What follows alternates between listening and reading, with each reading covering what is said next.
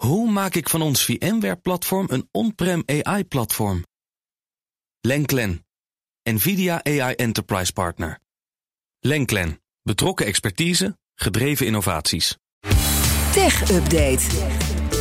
We gaan met Jo van Buurik. ik won er ook trouwens. Hey, goedemorgen. Ja, dat wou ik zeggen. De ban on chips richting China wordt vaker en verder opgevoerd vanuit Amerika. Ja, dat is het laatste nieuws dat via Reuters binnen is gekomen. Want de Biden-administration wil de export van chips, vooral die geschikt zijn voor kunstmatige intelligentie, richting China verder afknijpen. Hetzelfde geldt voor machines om dat soort chips te maken. Weten ze ook heel goed in Veldhoven bij ASML. Want dan krijgen ze ook wel eens dat soort verzoeken vanuit de VS.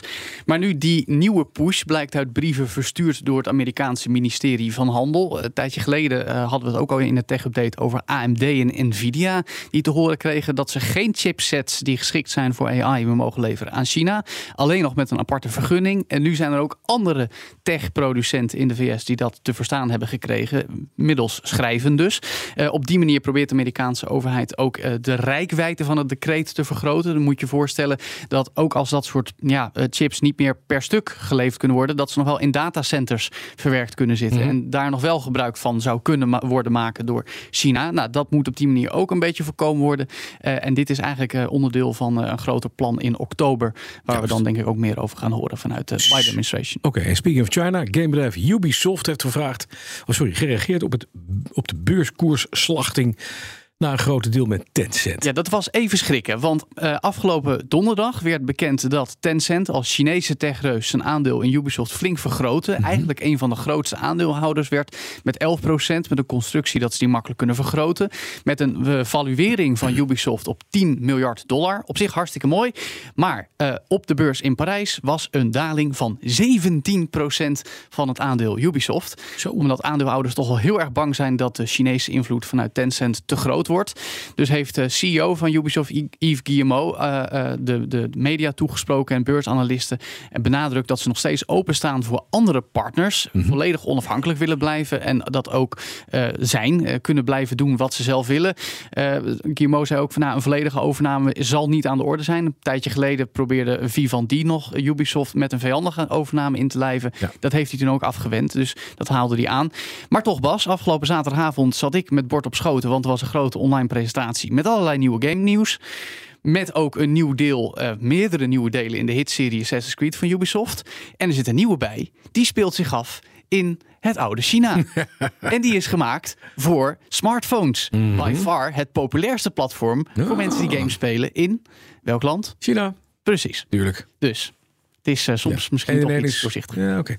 Dan even naar Disney, want het heeft grote plannen om verder te digitaliseren. Ja, bijvoorbeeld door het gebruik van onze data. Als we pretparken bezoeken en dingen kijken op Disney Plus, uh, om zo gepersonaliseerde ervaringen aan te bieden met bekende mm -hmm. IP's. Niet alleen Mickey Mouse en Pixar films, maar natuurlijk ook Star Wars en Marvel. Want het hoort allemaal bij Disney. En afgelopen weekend vertelde de topman Bob Chapek tijdens een grote presentatie wat ze daar allemaal mee willen gaan doen. Dat is grappig, want Bloomberg zegt dat hij uiterst zijn best deed om het woord metaverse niet te noemen. Nee. Maar dat het toch wel heel erg daarop lijkt. Mm -hmm. Omdat een tijdje geleden bij Disney een Next Generation Storytelling and Consumer Experiences Unit is aangesteld. Oh, okay. Klinkt uh, heel fijn. Uh, en onlangs uh, zijpelt ook al door dat er een werktitel van een project is. Dat heet Disney Prime. Oh. Dat moet eigenlijk de tegenhanger van Amazon Prime worden. Om klantprofielen op te bouwen. Nou, dat haakt in op wat we net zeiden. En er was ook nog iets interessants over ESPN, de sportkanalen. Want dat is ook in bezit van Disney. En er wordt nu gewerkt aan een nieuwe app om te gokken op sportwedstrijden want ook dat is business. Maar wel tegen het zere been van een activistische investeerder, Daniel Loop. Die beheert een hedge fund dat 1 miljard dollar aan aandelen Disney heeft. Maar die wilde dat ESPN juist verkocht werd, omdat het beter in het plaatje zou passen. Maar nu met dat uh, klantprofielen en het gokken op sportwedstrijden, zegt Loop, ah, dat is toch wel interessant. Dus ik ga me gedijst houden, zien wat Disney verder allemaal bedacht heeft om... Uh, ja, klantprofielen verder uit te buiten. Ben benieuwd. Dus. Dan de nieuwe virtual reality bril van Facebook moederbedrijf Meta is uitgelekt. Ja, de Quest Pro. En de voorganger -huh. daarvan, Bas, die ken jij nog heel goed. De Oculus Quest de Oculus 2. 2 ja, Daar precies. hebben we jou vorig jaar nog mee in het metaverse gestopt. Ja, over zeker. het M-woord gesproken.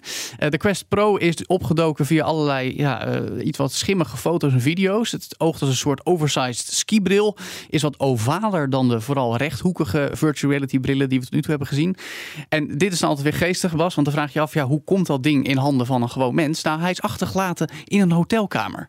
Even vergeten. Ja, de vinder had hem daar opeens gevonden. Meerdere exemplaren trouwens, in, met doos en al. Ja. Ja, en, en volgens de stickers zou het een preproductiemodel voor ontwikkelaars zijn. Inmiddels is hij ook wel opgehaald door de rechtmatige eigenaar, meldt het hotel. Maar dit ging ooit ook zo met de iPhone 4, notabene. Die was achtergelaten in een bar.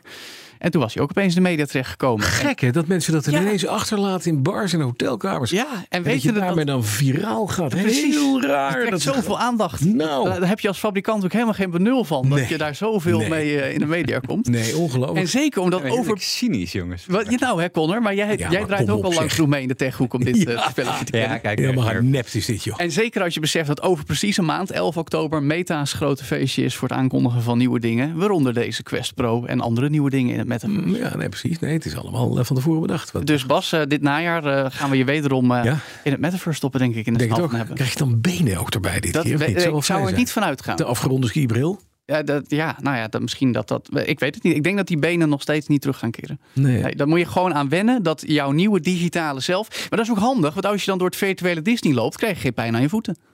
Dat is handig. Maar wat moet ik dan Goh. met mijn NFT Gucci sneakers? Ja, dat, dat is een probleem voor de NFT-ontwikkelaars. Maar dat vind ik niet zo'n Oh, probleem. ja, dat is wel een probleem. dus, en dan kun je een Gucci jas kopen. Oh, dat is waar. Oh, Een ja. hele lange, dan een ziet onderbroek. geen been Die zie je wel. Een, grote Gucci onderbroek. Met opdruk. Dankjewel, Jo van Burk. De BNR Tech Update wordt mede mogelijk gemaakt door Lenklen. Lenklen. Betrokken expertise, gedreven resultaat. Vind het gehoor. Hoe vergroot ik onze compute power zonder extra compute power? Lenklen. Hitachi Virtual Storage Partner. Lenklen. Betrokken expertise, gedreven innovaties.